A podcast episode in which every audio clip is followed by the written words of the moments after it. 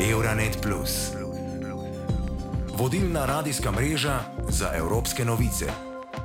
Ekonomisti menijo, da bo imel nujni ekološki prehod pomemben finančni vpliv na številne sektorje. To pomeni, da neizogiben vpliv tudi na kupno moč gospodinstev ter na prihodnjo inflacijo. Torej, zeleni prehod bo imel velike družbene stroške, vendar ni druge možnosti. Nevednost naših prednikov moramo kompenzirati in posledično preprečiti, da bi naše nedelovanje imelo uničujoč vpliv na prihodnje generacije. Da bi to naredili, moramo ponovno razmisliti o načinu življenja, krogu prekomerne potrošnje, v katerem smo bili vzgajani in v njem še vedno tičimo. Toda kako bomo plačali ta prehod? Ali se lahko breme enakomerno prenese na celotno družbo? V trenutnem pesimističnem gospodarskem in družbenem kontekstu, ko v neposrednji bližini Evropske unije divjata dve vojni, se zdi, da Evropski zeleni dogovor izgublja določeno stopnjo zagona. Gospodarske težave, varnostni pomisleki in evropske volitve prihodnje leto so navedeni kot razlogi, da umaknemo nogo z zelenega prehoda predvsem strani novonastalih politikov skrajne desnice, ki želijo, da se podnebna agenda odločno postavi na stranski tir. Lilija Goleminova z bolgarskega radia BNR se je srečala z Mileno Statevo, bolgarsko sociologinjo in članico Climatic, odprte platforme namenjene spodbujanju znanja o podnebju. Za izgubo zagona so po mnenju Stateve deloma krivi tudi naši politični predstavniki. Namesto da bi odgovornost preusmerili na posameznike, bi nas morali pridobiti s pripravo nove družbene pogodbe. No, mnogo cenno poročanje, nasočeno kam dejstvi. V zelo koristni in akcijsko usmerjeni študiji podnebnega komuniciranja smo odkrili, da je velik problem pravzaprav v tem, da so ljudje preveč ozaveščeni o svoji osebni odgovornosti in odgovornosti svojega gospodinstva.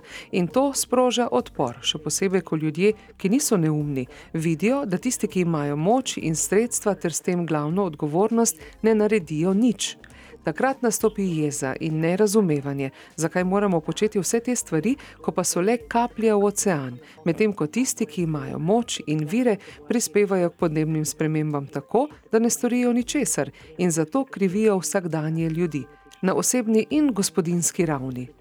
To je nekaj, kar se mora spremeniti glede podnebne komunikacijske zgodbe Bolgarije. За климатичните промени и това е нещо, което трябва да се промени в наратива в България.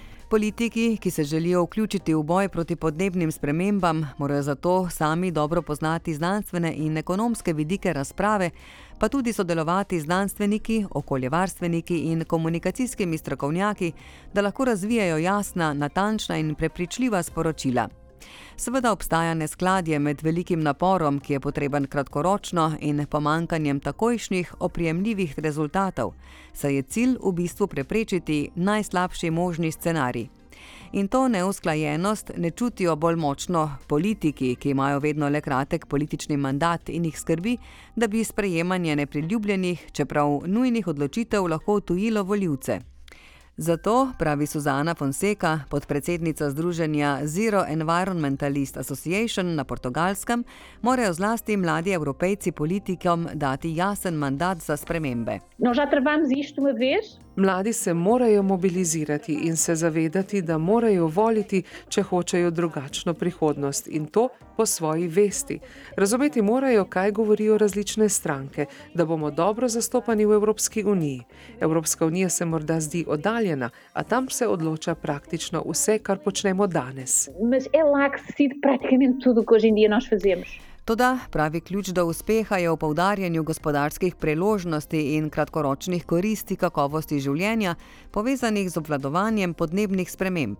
Dejansko je to, kar gledamo tukaj, nov model rasti, za katerega nekateri opazovalci menijo, da bi lahko, če se vključijo vsi, na koncu zmanjšal stroške za družbo kot celoto.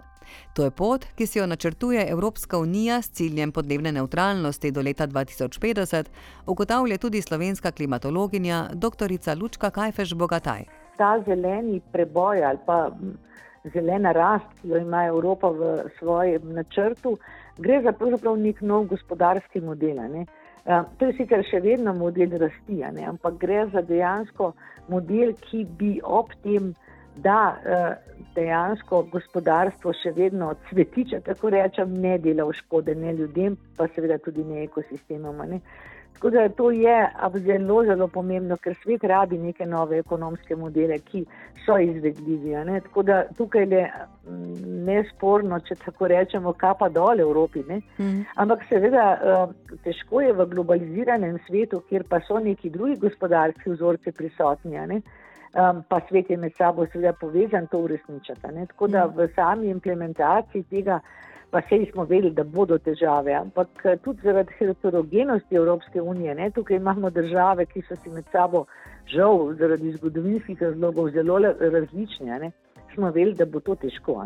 Mm. Ker ta svežen, recimo pripravljeni na 55, ki je bil pa potem res srčika ne, teh velikih sprememb, je bilo že na začetku dejansko jasno, da ga države ne bodo mogle vse v enaki meri izpolnjevati.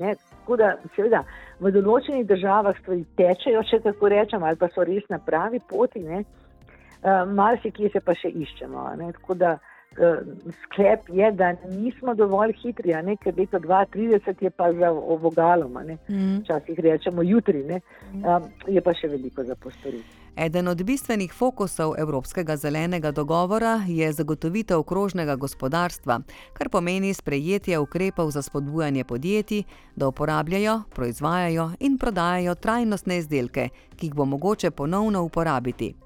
Doktorica Lučka Kajfeš Bogataj pravi, da je krožno gospodarstvo kompleksna zadeva in dodaja. Tukaj je pravzaprav reciklaža na zadnjem mestu, ampak je nekje vse skupaj se začne z dizajnom ki mora biti že povsem drugačen, da bomo lahko izdelke lahko popravljali, ponovno uporabljali in da bodo seveda bolj trajnostni, dobesedno v smislu, da se nam ne bo nek, ne vem, stroj pokvaril v letu ali dveh, in da se ga bo dalo popraviti. Ne? Mhm. Pa seveda v krožnem gospodarstvu so tudi uh, pomembne družbene inovacije, ne? kjer je recimo delitvena ekonomija zelo pomembna. Ne?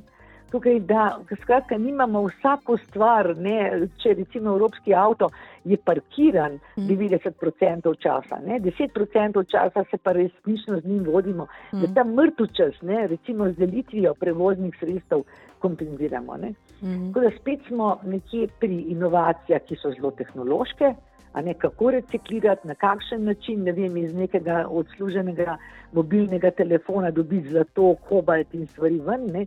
pa do tega, kako ljudem predstaviti prednosti tega, da stvari delimo, ne? Da, ne, da ne posedujemo vsake stvari skupaj. Ne? Tako da um, tudi klele se mi zdi, da mogoče gospodarstveniki ne dojamejo, kako kompleksen proces je to. Ne? In če ne bomo vlagali v oboje, v nekako tehnologije in v pogovor in ozaveščanje ljudi, eh, ne bomo mogli celega kroga speljati. Ko govorimo o Evropskem zelenem dogovoru, seveda ne gre mimo fosilnih goriv.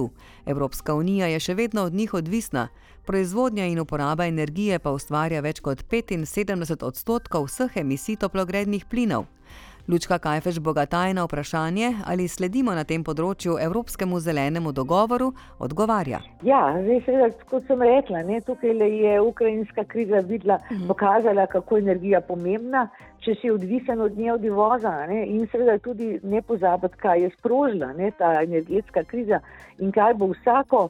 Um, odrekanje fosilnim gorivom, če ga ne bomo dobro upravljali, sprožilo bo neke zviševanje cen, inflacijo in tako naprej. Ne? Tako da tle so neki grozeči mehanizmi, ki pa seveda so posledice slabega menedžmenta ali pa nepripravljenosti, kako temu rečemo. Mm. Ker dejansko ni treba, da bo prehod jemal delovna mesta. Ne? Prehod lahko daje nova delovna mesta in ravno v tem je ta ideja pravičnosti ali pa pravičnega prehoda, ne? da se da nekje izgubim, ampak na drugi strani moram pridobiti in to se zdaj še da, ne? recimo, ne vem, če zapiram rudnik po eni strani, eh, premoga, ne? po eni strani lahko postavim na istem mestu neko, bi rekla, možnost eh, zaposlovanja v zelenih sektorjih. Ne? Ampak vse to moramo predvideti, ne? Mhm. to ni enostavno in te politike morajo biti pripravljene, pa ne na zadnje tudi denar. Ne? Sej, ko gledamo ideje, kako naj bi evropski zeleni prehod gledal, tukaj vedno trčimo ob sklade, ne trčimo ob recimo ideje banke, ki bi bila prav namenjena podnebnemu pravičnemu prehodu. Ne? Recimo, trčimo v svežnju pripravljene 55 idejo o socialnem skladu za podnebje, ne? kjer bi se moglo skrbno dejansko nabirati denar za take primere. Ne? Tako da tle gre za eno zelo, zelo globalno politiko, ki jo mora država voditi. Ne samo gledati, da bomo, ne vem, zaprli uh, rudnik premoga, pa postavili tako in tako mm. število solarnih panelov. Ne gre za to, ne gre za družbene zadeve, ki morajo biti tudi ustrezno vodene, mhm. pravočasno, ne takrat, ko že zapremo se spraševati, kam bomo ljudi prezaposlili. Letošnji 17. november je prvič v zgodovini presegal mejo segrevanja 2 stopinj Celzija glede na predindustrijski čas. Leto 2023 je celo najtopleje v zadnjih 125 tisoč letih in v zadnjih desetletjih smo imeli tudi 10 najtoplejših let. Po drugi strani pa smo priča izjemnim premikom v energetiki in napredku zelenih tehnologij. Ja, seveda tukaj imamo po eni strani zelo jasno, kaj je bilo najprej. Ne? Uh, nimamo tako kot kura in jajce. Seveda najprej so bili problemi z uh, prevelikimi izpusti, s preveliko rabo fosilnih goriv, uh, tako v Evropi kot globalno, če gledamo. Ne? In seveda prizadevanja, kako na tehnološki način.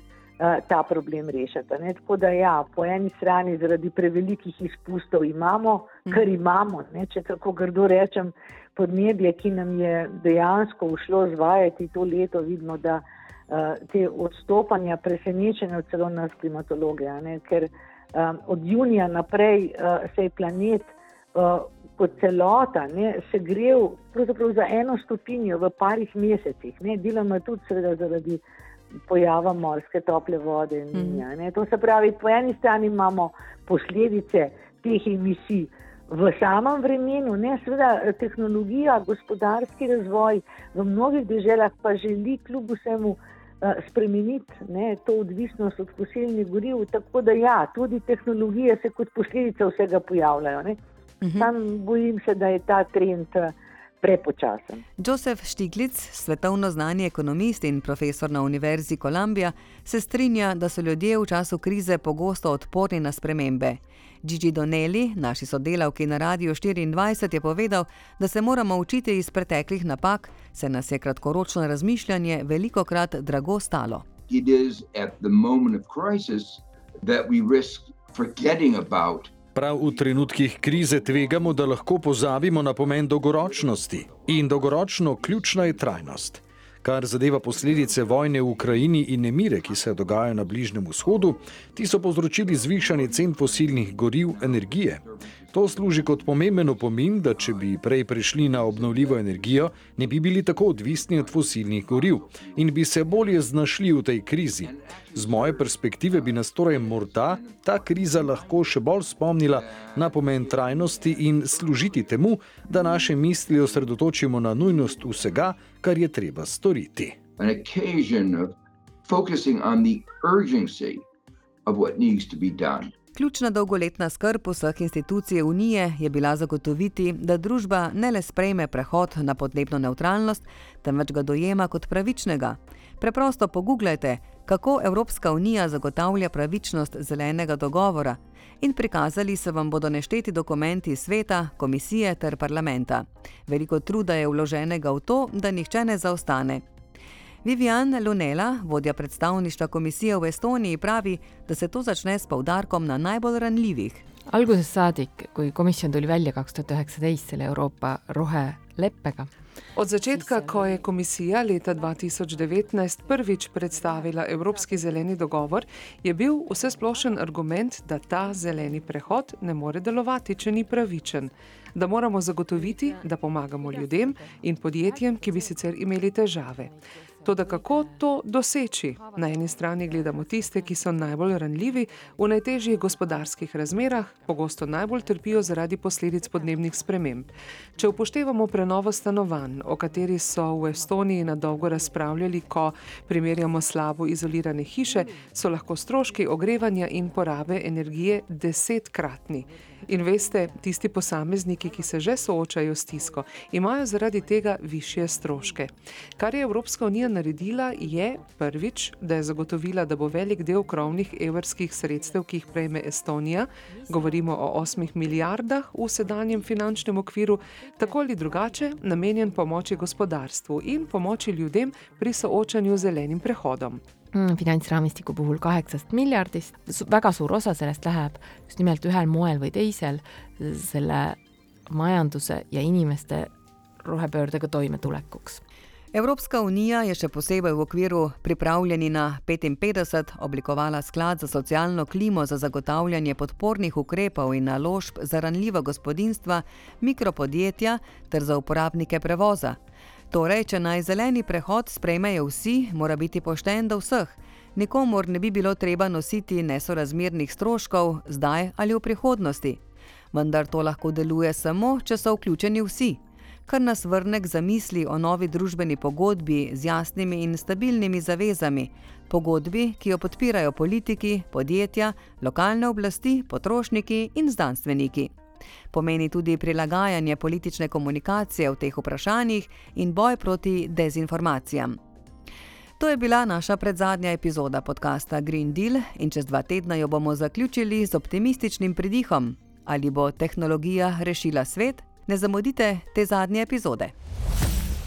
Euronet Plus za boljše razumevanje Evrope.